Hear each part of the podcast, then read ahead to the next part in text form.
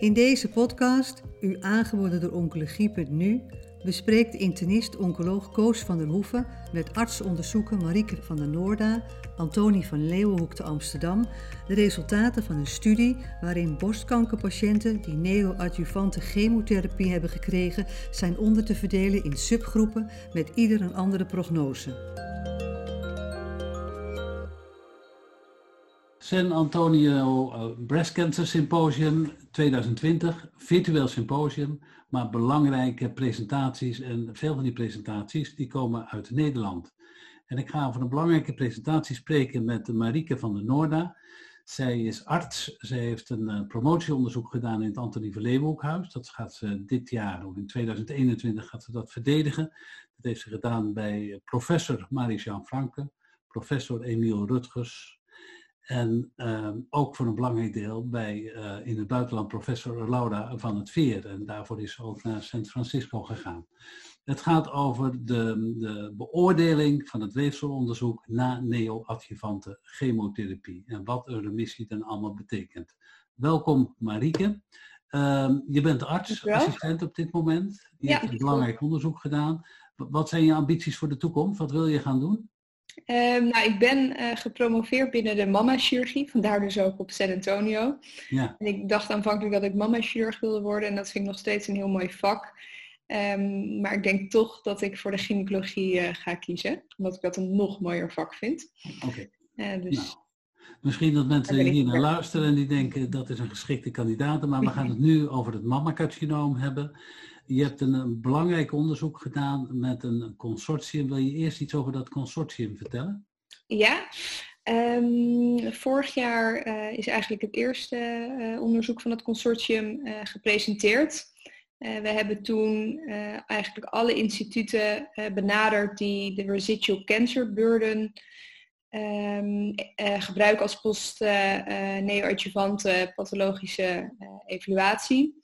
Uh, al die instituten hebben we benaderd en um, dat waren er op een hoofd 11. En die hebben allemaal toegezegd om uh, deel te nemen en data aangeleverd om tot een gepoolde analyse te komen om de prognostische waarde van de residual cancer burden um, te evalueren. Want we weten allemaal dat als je na neoadjuvante chemotherapie een pathologisch complete remissie hebt, dat dat een surrogaat marker is voor een goede prognose. Maar daar zijn blijkbaar toch nog eh, verschillende nuanceringen in te vinden tussen een heleboel tumor, een klein beetje tumor, et cetera. Welke dingen hebben jullie onderzocht? Um, nou, um, teruggaande nog even naar de residual cancer uh, burden. Dus allereerst, vorig jaar, ik denk dat, je, denk dat u daar nog op doelt. Um, uh, vorig jaar hebben we gekeken dus naar de prognostische waarde van uh, uh, de residual cancer burden. Um, waarbij je eigenlijk vier RCB classes kan onderscheiden, waarbij RCB 0 een pathologisch complete respons is en RCB 3 dat is dan nog de grootste hoedanigheid van residuele ziekte. Um, nou, uit dat onderzoek vorig jaar, wat ook gepresenteerd is op San Antonio, bleek dat um, ehm, RCB eh, zeer prognostisch was, was, En dat er dus zeker uh, naast de binaire uitkomst van PCR eh, versus residuale ziekte, dat er echt nog een onderscheid te maken is in de hoedanigheid van die residuale ziekte. Dus het maakt wel degelijk uit of je nog een klein beetje restziekte hebt of nog heel veel restziekte. Um, dus dat hebben we vorig jaar in die gepoolde analyse um, aangetoond. Um, dit jaar hebben we uh, verder gekeken en zijn we, uh, waren we benieuwd met name wat voor aanvullende waarde de, uh, de residual cancer burden heeft op de conventionele AGCC TNM klassificatie die vaak wordt aangehouden in de praktijk. En, en daarbij waren we ook um, benieuwd wat de um, aanvullende waarde is van de NEO Bioscore. En de NEO Bioscore dat is ook een nieuwe ja, methode om de uh, prognostische waarde uh, bij, uh, bij patiënten die neoadjuvant behandeld zijn te evalueren. En daar, daarin wordt de klinische stadiëring, de pathologische stadiëring, eh, de um, hormoonreceptor negativiteit, de HER2-negativiteit en de graad 3 meegenomen. En op basis daarvan worden patiënten ingedeeld in een groep van 0 tot 7. met 0 dus de beste uitkomsten en 7 de slechtste uitkomsten. En dat is, ja, daar wordt dus nog meer, daar worden dus ook de biologische aspecten van een tumor in meegenomen naast de grootte van de tumor die vooral bij de RCB en de AGCC-TNM eh, worden meegenomen. En die verschillende categorieën die je gemaakt hebt, die heb je vergeleken met als uitkomstmaat de vijfjaars ziektevrije overleving. Is dat Klopt. correct? Klopt. We hebben met name eigenlijk in elke AGCC uh, uh, klassificatie hebben we gekeken wat de aanvullende waarde was van RCB of NeoBioscore in die klassificatie. Dus we gingen bijvoorbeeld kijken uh, nou, bij patiënten die AGCC uh, eh, 1 zijn. Maakt het dan nog uit uh, of een patiënt in die groep um, ehm, RCB1 of RCB3 is? Want we hebben dus eerst al die patiënten in groepen opgedeeld en um, het is wel degelijk zo dat een patiënt dus AGCC 1 kan zijn, maar dan een RCB2. Ja. Of, of andersom. En kan je iets vertellen over wat voor verschil het maakte op de overleving? De ziektevrije overleving na vijf jaar? Nou, we hebben heel veel verschillende uh, groepen dus uiteindelijk bekeken. Dus um, ik denk dat hierin het heel belangrijk is om, om per subtype uh, af te gaan. Um, omdat we weten hoe belangrijk de subtypes zijn. En um, wat we met name uh, vonden als we kijken naar de aanvullende waarden van RCB binnen de AGCC-classificaties, uh, was dat bij, patiënten met triple-negatieve ziekte um, er een prognostische additionele waarde was binnen de AGCC-stadieringen 2 en 3. Um, en bij de hormoonreceptor-positieve patiënten was dat met name binnen de patiënten die AGCC stage 1 waren. Um, en dan bij de NeoBioscore was het weer, um, was waren triple negatieve uh, patiënten, hadden de NeoBioscore had aanvullende waarde binnen de triple negatieve patiënten bij patiënten met HCC 1 en 3. En bij de hormoonreceptor positieve patiënten ehm, bij, de, ook bij de hogere AGCC-classificaties. En eigenlijk zowel bij de uh, HER2-positieve patiënten, bij de HER2-positieve HER2-positieve patiënten bij zowel RCB als NeoBioscore zagen we weinig aanvullende waarden. En uh, dat zat hem denk ik met name in omdat er hele hoge uh, percentages pathologisch complete respons waren, waardoor de groepen erg klein waren. En eigenlijk wat, wat noem je hoog? Dus wat is hoog? 80 procent. 80 procent. Ja, ja. ja. Jullie hebben gekeken naar totaal 5161 patiënten, is dat correct? Um, in de vorige studie hebben we gekeken naar uh, inderdaad zoveel patiënten en bij deze studie hebben we gekeken naar uh, 3730 patiënten. En dat komt omdat we uh, van sommige patiënten bepaalde variabelen die nodig waren voor de NeoBioscore niet hadden of dat we geen adequate pathologische stadiëring hadden. Dus die patiënten hebben we moeten excluderen. Ja, en jullie hebben zowel naar de, naar de borststatus gekeken als naar de klierstatus. Dat klopt, ja. En um, de, in de, in de AGCC-TNM-stadiëring uh, worden die natuurlijk allebei meegenomen. Um, in de uh, RCB um, wordt ook naar de grootte van de tumor in de borst gekeken. En wat opmerkelijk is aan RCB, wat je dan niet terugvindt bij de andere uh, ja, methoden voor, uh, om, de prognose te bepalen, is dat RCB de cellulariteit uh, meeneemt.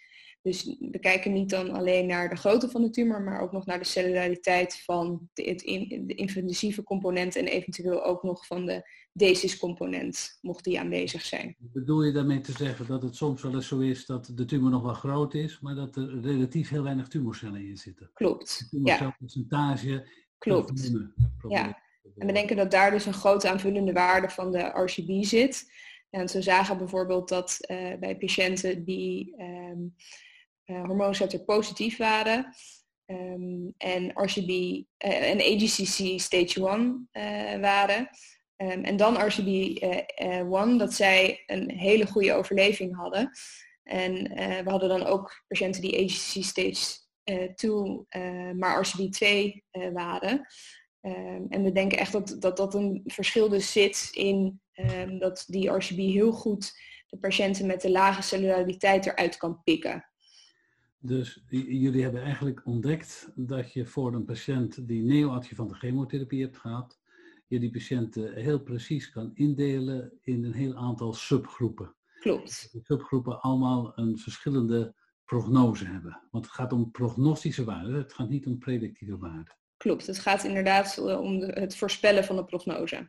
Het meest, uh, het, ja, het meest gebruikt op dit moment als patiënten een residuale ziekte hebben bij een mhm. triple-negatief mammacarcinoom, dan wordt er tegenwoordig vaak voor gekozen om die patiënten nog een tijd lang met capecitabine na te behandelen. Dan hebben we dus een interventie gedaan Klopt. naar de neerwaartse van de chemotherapie.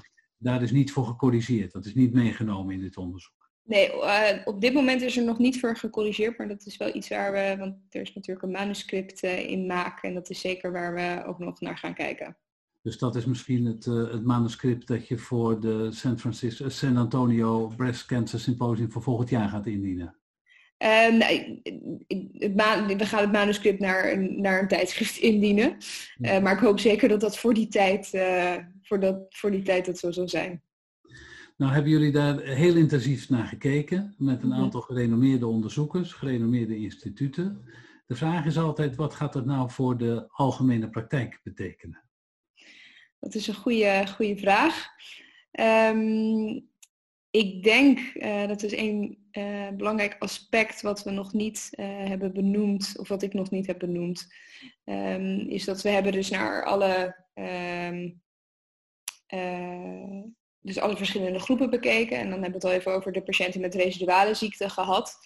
Ehm, maar we hebben het nog niet gehad over de patiënten die een pathologisch complete respons bereikten. Want we hebben dat waren uit mijn hoofd waren dat 34 eh, procent.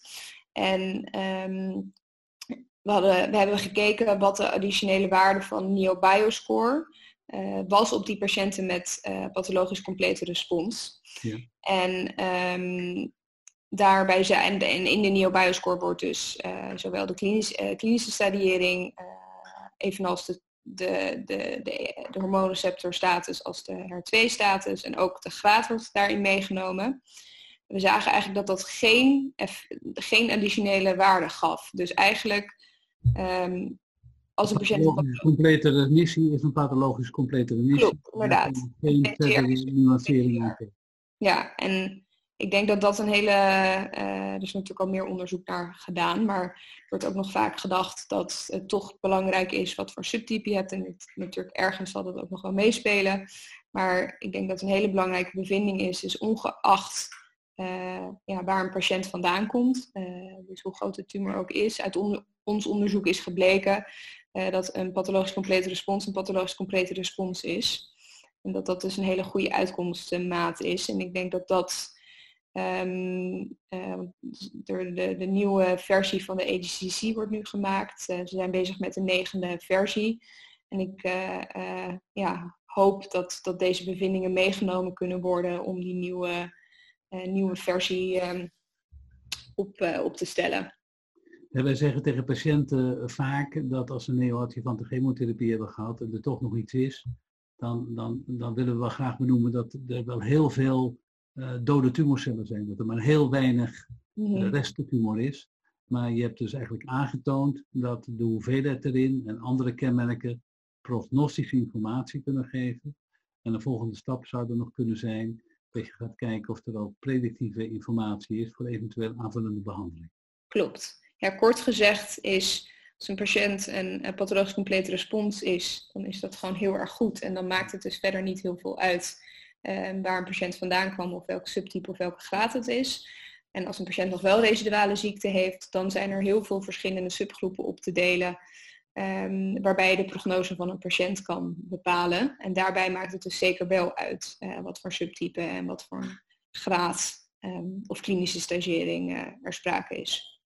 Een deel van het onderzoek heb je in uh, Californië gedaan. Klopt. ging het ook om Amerikaanse patiënten? Um, Een groot deel zijn Amerikaanse patiënten geweest. Um, de grote iSpy 2-studie, alle patiënten die daar een deel hebben genomen, zijn meegenomen in het onderzoek. ook patiënten van Cambridge, dus uit de UK, en Edinburgh en ook AVL. Het is eigenlijk een combi van Europese patiënten en ehm, Amerikaanse patiënten. Heb je op enig punt nog onderscheid kunnen maken tussen de Amerikaanse patiënten en de Europese? Dat is ook nog een subanalyse waar we nog niet eh, naar hebben gekeken, maar wel een hele leuke om uit, uit te voeren. Dus het is eigenlijk een hele grote database waar nog veel vlucht uit te Zeker, ja. Eigenlijk is de belangrijkste conclusie een residuale ziekte aan neoadjuvante chemotherapie is niet één groep. Er zijn verschillende groepen in aantoonbaar met allemaal een verschillende uitkomst en misschien in de toekomst ook wel mogelijkheden om aanvullende therapie te geven. Klopt. En een pathologisch complete respons is een pathologisch complete respons. Oké, nou heel erg mooi dat je dit uh, belangrijke onderzoek hebt gedaan en dat je dat op zo'n mooi symposium hebt mogen presenteren. Nou, dank, dank wel. Heel leuk uh, om dit met u nog nabesproken te hebben. Oké, okay. dankjewel. Bent u geïnteresseerd in meer podcasts? Deze zijn te vinden op de website oncologie.nu.